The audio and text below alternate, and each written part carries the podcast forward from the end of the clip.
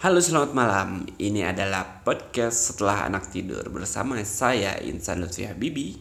Dan saya Untari Susilawati.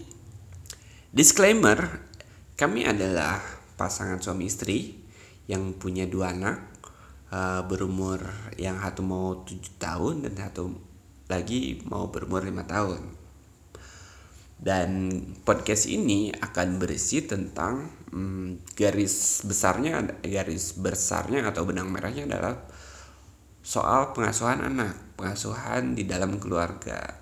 Bukan berarti apa yang kita sampaikan ini adalah uh, pola pengasuhan yang terbaik tapi kita akan kami akan berbicara tentang pengasuhan anak berdasarkan apa yang kita alamin selama ini yang anak kita udah seumuran segini gitu. Apa suka dukanya gitu ya? Tantangannya tantangannya, tantangannya. terus ya kita akan trace back ke belakang bahwa anak kita begini saat ini terbentuk mungkin karena pola pengasuhan kita yang seperti ini gitu. Misalnya ini anak uh, percaya dirinya bagus. Kenapa sih bisa percaya dirinya bagus? Teori ke belakangnya sih begitu. Dan kita akan ingat-ingat ke belakang kita udah ngapain aja sih terhadap anak kita gitu. Makanya uh, dan itu yang akan kita share. Jadi lebih ngomongin banyak ngomongin praktikalnya. Mm. dan juga kita akan ke depannya akan ngomongin mengomentari juga sih. Misalnya ada kayak kan aku kayak kemarin kita bahas uh, soal oh anak di SD itu nanti tantangannya teman-temannya udah berbagai macam. Dan kita sebagai orang tua uh, pola pengasuhannya harus seperti apa sih itu menyikapinya ya kan? Itu disclaimernya. Oke episode yang pertama ini kita akan ngebahas tentang apa bun? Tentang kenapa kita menikah? Ya hmm, enggak sih. Eh, iya iya lebih tepatnya gini. Yang uh, sebenarnya dari dari aku kan udah dari aku mengusulkannya adalah kita akan ngebahas tentang yang up to date. Tapi kata kamu enggak deh kayaknya kita harus uh, runut dari awal deh mulai dari karena menurut kamu pola pengasuhan itu awalnya dari mulai menentukan pasangan hidup. Mm. ya kan mm makanya kalau aku kan pengen ngebahas yaudah deh yang anak-anak kita alamin sekarang kita bahas nih ke pola pengasuhannya. Tapi di episode pertama ini kamu mengusulkan bahwa pola pengasuhan pertama kalinya pondasinya itu uh, atau ditentukannya dari pertama kali memutuskan atau mencari pasangan hidup. Betul? Betul. Ken kenapa menurut kamu begitu? Karena ketika kita memutuskan untuk mencari pasangan atau menentukan pasangan hidup ya kita pasti carinya yang cocok dong dengan kita. Bisa komunikasi yang baik bisa bekerja sama yang baik. Kalau udah cocok mungkin ke depannya akan lebih enak untuk membicarakan hal-hal seperti itu. Punya anak kapan gimana e, pengasuhannya gimana menangani ya hal-hal yang akan kita hadapi ke depannya gitu tapi kan ah, nih aku ingat tapi gini gini. Hmm. ketika kita menikah dan memutuskan untuk menikah dengan seseorang ya kita udah tahu nih uh, sifat orang ini kayak gimana. Cocok nggak ya dia jadi ayah atau ibu dari anak-anak kita? Kebayang gak sih kayak gitu? Tapi tapi pertanyaannya gini kamu ngelihat dari mana? Waktu itu uh, kita ambil contoh kita sendiri deh gitu tapi kamu tahu dari mana nih bahwa pasangan aku saat itu oh ini bakal cocok nih dengan uh, dengan uh, apa ya ke depannya bakal jadi ayah yang baik. Karena kalau aku jujur ini kalau menurut di sisi aku nih aku dulu nggak kepikiran bahwa sampai ke ntar pengasuhannya seperti apa sih gitu. Lah kamu emang udah kepikiran mungkin karena aku kuliahnya pengasuhan ada uh, ada sedikit belajar tentang pengasuhan anak ya. Ngerti kalau pengasuhan anak itu nggak cuman harus ibunya yang ngerti tapi butuh kerjasama dengan si ayah. Ketika aku kenal kamu komunikasi kita baik. Mm -hmm. ketika ada konflik kita bisa menyelesaikan dengan baik. Jadi aku pikir untuk ke depannya untuk ada hal-hal yang misalnya perlu dibicarakan kerjasama bareng mungkin akan lebih baik gitu. Hmm kalau dari aku, situ kelihatan. Ah, kalau aku ingat-ingat lagi iya iya maksud aku iya sih. Dulu aku juga memandang kamu sebagai ini selain selain ya aku suka gitu ya maksudnya dalam artiannya ya ya uh, pada umumnya orang suka dengan seseorang aku juga melihat ke depan bahwa kamu punya potensi untuk menjadi ibu yang baik dengan dengan lemah lembutnya dan segala macam. Karena aku karena aku sendiri misalnya uh, pengen nanti anak-anak aku punya orang tua yang uh, lemah lembut gitu. Yang yang apa ya yang yang yang yang yang gitulah yang menurut aku kebayangnya sosok ibu yang baik itu yang seperti ini nih gitu. Yang aku pengen ya. Aku dulu mikirnya gitu sesederhana itu sih tapi tapi kalau dari sisi kamu nggak gitu gitu. Ngelihat dari cara kita komunikasi. Dari komunikasi. Mm-mm.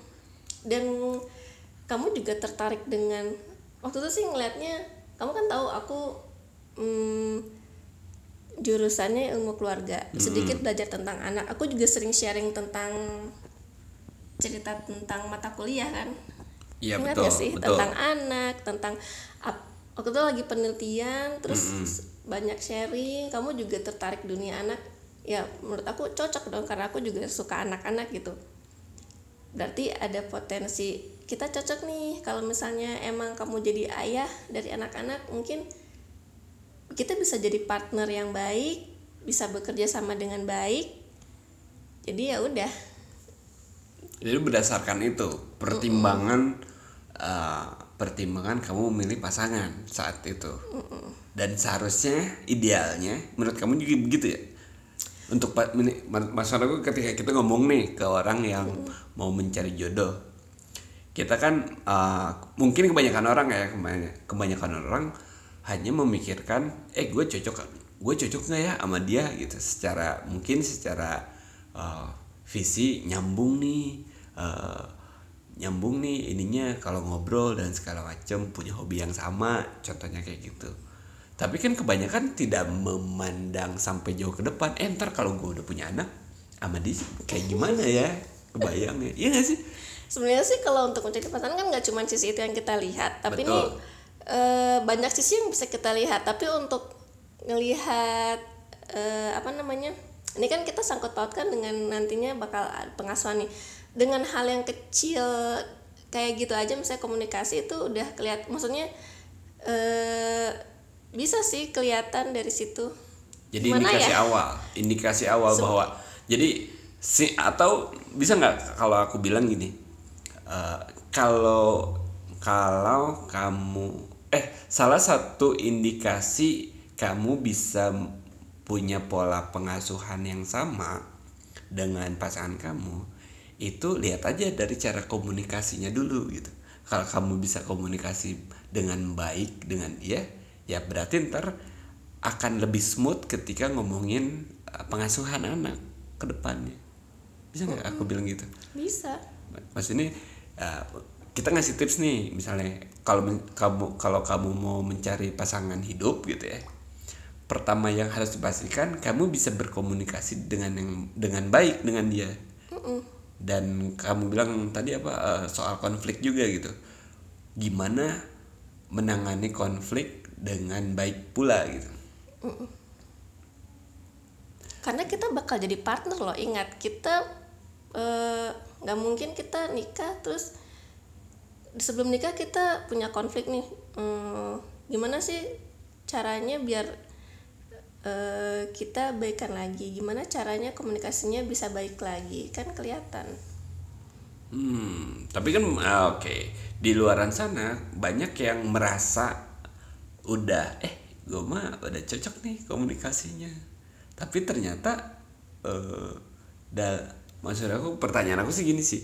Gimana kita bisa menilai bahwa kita bahwa kita dengan pasangan kita itu udah bisa sudah bisa menengahi konflik dengan baik.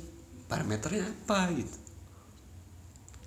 Parameternya sih bisa beda-beda tiap orang ya. Kalau sih kalau kamu- sih kalau- ngerasanya kita selama ini bisa baik. Maksudnya kalaupun ada konflik kita nggak sampai yang gimana gimana ya. Ya nggak sih? Seingat aku, aku dulu pernah pernah ini ya, pernah membuat kayak semacam peraturan. Peraturan bahwa kalau ada masalah, ingat ya? Ingat, kalau ada ingat, masalah, ingat. iya ingat itu ketika ada masalah, pertama aturan pertama adalah tidak pernah membicarakan masalah itu lewat chatting. iya ingat Ingat? Ya nggak? Jadi kita, kita bikin aturan nih. Eh, kalau ada masalah misalnya kamu lagi wah sebel banget nih sama aku gitu. Kamu tidak akan marah-marah atau mempertanyakan atau berdebat di chatting. Mm. Aku bilang gitu kan. dan kita menaati aturan itu kan Dan kita, kita berdua nggak ada yang melanggar Iya, berarti betul. kan kita kompak Betul. Kita kan selalu mengingatkan nih kalau misalnya mulai misalnya berdebat di chatting akan oke stop berdebat nanti tunggu aku pulang atau iya kan iya kan aturan pertama terus bikin aturan kedua adalah semua masalah harus selesai di hari itu juga. Kita nggak pernah membawa masalah lewat dari sehari. Jadi harus clear di hari itu tuh sebelum kita tidur kita harus udah clear. Oh, dengan masalah hari itu apa? Misalnya kamu lagi sebel sama aku apaan gitu. Kalau nggak salah aku bikin aturan dua itu tuh komitmen kita. Dari awal udah berkomitmen bahwa gimana cara menang apa kalau kita ada konflik rule-nya atau SOP-nya adalah dua itu. Apa ada tiga ya? Aku lupa. Dua deh kalau nggak salah. Pertama cuma nggak boleh di dalam chatting debatnya. Yang kedua yang kedua setiap masalah harus selesai di hari itu. Ya ingat ingat? ingat. Sampai sekarang kan sampai sekarang pun kita tetap menerapkan hal itu betul? Berkomitmen. Itu penting ya? Penting. Itu dari hal kecil yang nggak kita sadari sebenarnya tapi itu berdampak sangat besar. Iya ya sebenarnya iya ya. jadi ketika ada konflik nah, misalnya gini kita kan misalnya pengantin baru kita nggak tahu nih apa yang akan kita hadapi. Nggak nggak kebayang punya anak seperti apa tapi ketika kita punya anak itu konflik semakin banyak. Ngerasa nggak sih? Hmm, hmm, betul. Apalagi ketika anak sekolah anak mau ini mau itu terus belum urusan kita. Ketika kita udah berkomitmen dan udah biasa menyelesaikan konflik dengan baik ya semuanya akan smooth dan baik kita ngerasa aman oke. Udah biasa udah bisa kita tangani dengan tenang atau ya seperti biasa. Iya. Nggak yang kaget terus kita harus jadi gimana? "Hah, harus bingung." gimana kebingungan gimana cara menyelesaikan konflik ya dan oh iya aku inget juga ketika kita punya anak ada tambahan satu aturan. Apa itu? Aku lupa. Tapi mungkin bisa ingat. nah aturannya adalah kalau kamu tidak setuju dengan pasangan kamu memperlakukan anak gak boleh didebat di depan anaknya. Ngerti ya? Iya. misalnya kamu kamu ngeben misalnya contoh lah ya kalau kamu ngebentak anak itu kan nggak bagus. Maksudnya eh nggak gitu loh pengasuhan kita gitu kan kita udah kayak sepakat gitu nih. caranya. bukan gitu cuman kamu melanggar nih. Ya namanya juga manusia ya kadang suka lupa harus diingetin. Cuman cara ngingetinnya nggak boleh di depan anak. Iya. Harus di istilahnya dicolek nih diomonginnya berdua aja gitu. Eh tadi kamu begini bukan yang nggak boleh gitu gitu tidak di depan anak kayak pas kamu lagi ngebentak terus aku langsung eh bun kok kamu ngebentak? Nggak boleh lu kayak gitu gitu Iya, ya kan? iya, biar anak nggak bingung. Betul? Betul. Gitu. Jadi pengasuhan anak itu pola pola asuh anak boleh dibilang di, di- ditentukan juga di awal ketika kita memilih pasangan ya. Ketika misalnya kan eh, kita udah sepakat nih bahwa indikasi awal adalah eh, komunikasi yang baik dan cara penyelesaian konflik yang udah disepakati di awal gitu ya intinya pas kita mem- memilih pasangan itu kita emang udah merasa cocok terutama komunikasi cara menyelesaikan konflik dan bisa jadi partner yang baik bisa jadi partner yang baik. Kalau kamu dulu ber ber berapa namanya? Eh, merasa oh aku jadi partner yang baik itu ketika kapan? Ingat nggak? Hmm, sejak awal kenal emang rasanya sih baik. Jadi pakai perasaan. Jadi pakai perasaan. Tidak ada da- da- apa maksud aku sih? Nggak ada ininya apa indikasinya atau yang sesuatu yang bisa secara objektif bisa dinilai yang kita bisa bagikan ke orang. Nah, kalau itu sih biasanya aku ngenilainya dari sisi agama sih.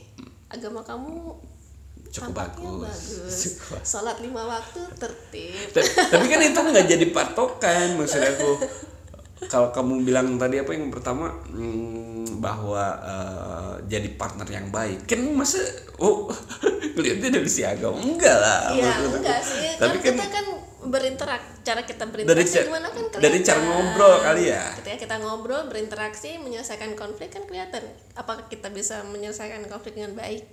menurut aku sih kuncinya di konflik bun Iya itu ngeliat dari situ kan maksudnya gini kalau kita ke- udah berkomitmen dua orang berkomitmen kan pasti nggak jauh-jauh ketemu konflik ya betul gimana ketika mereka bertemu konflik gimana caranya bisa menyelesaikan itu dengan baik bisa berkomunikasi dengan baik ya kelihatan dari situ jadi dari Iya konflik nggak ya sih? Mm-mm.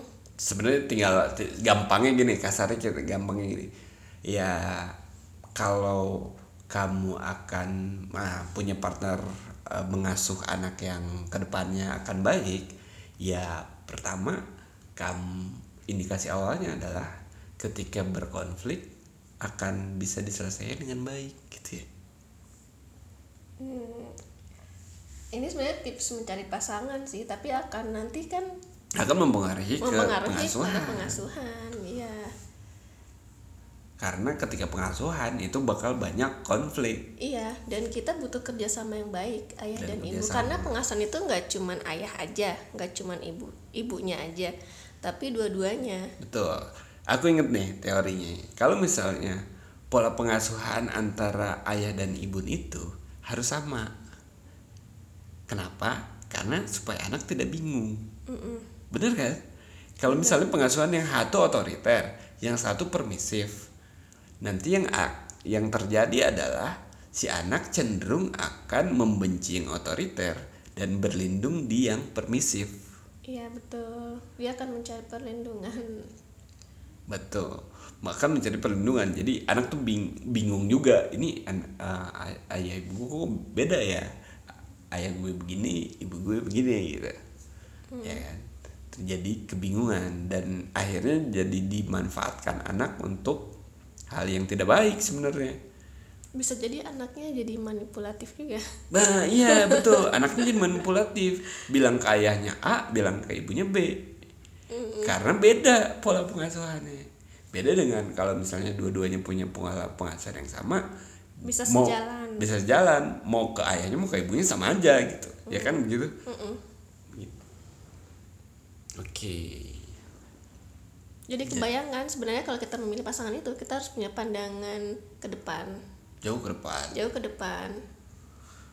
Yang paling simpel adalah eh yang paling atau yang paling berkenaan dengan pengasuhan yaitu tentang penyelesaian konflik.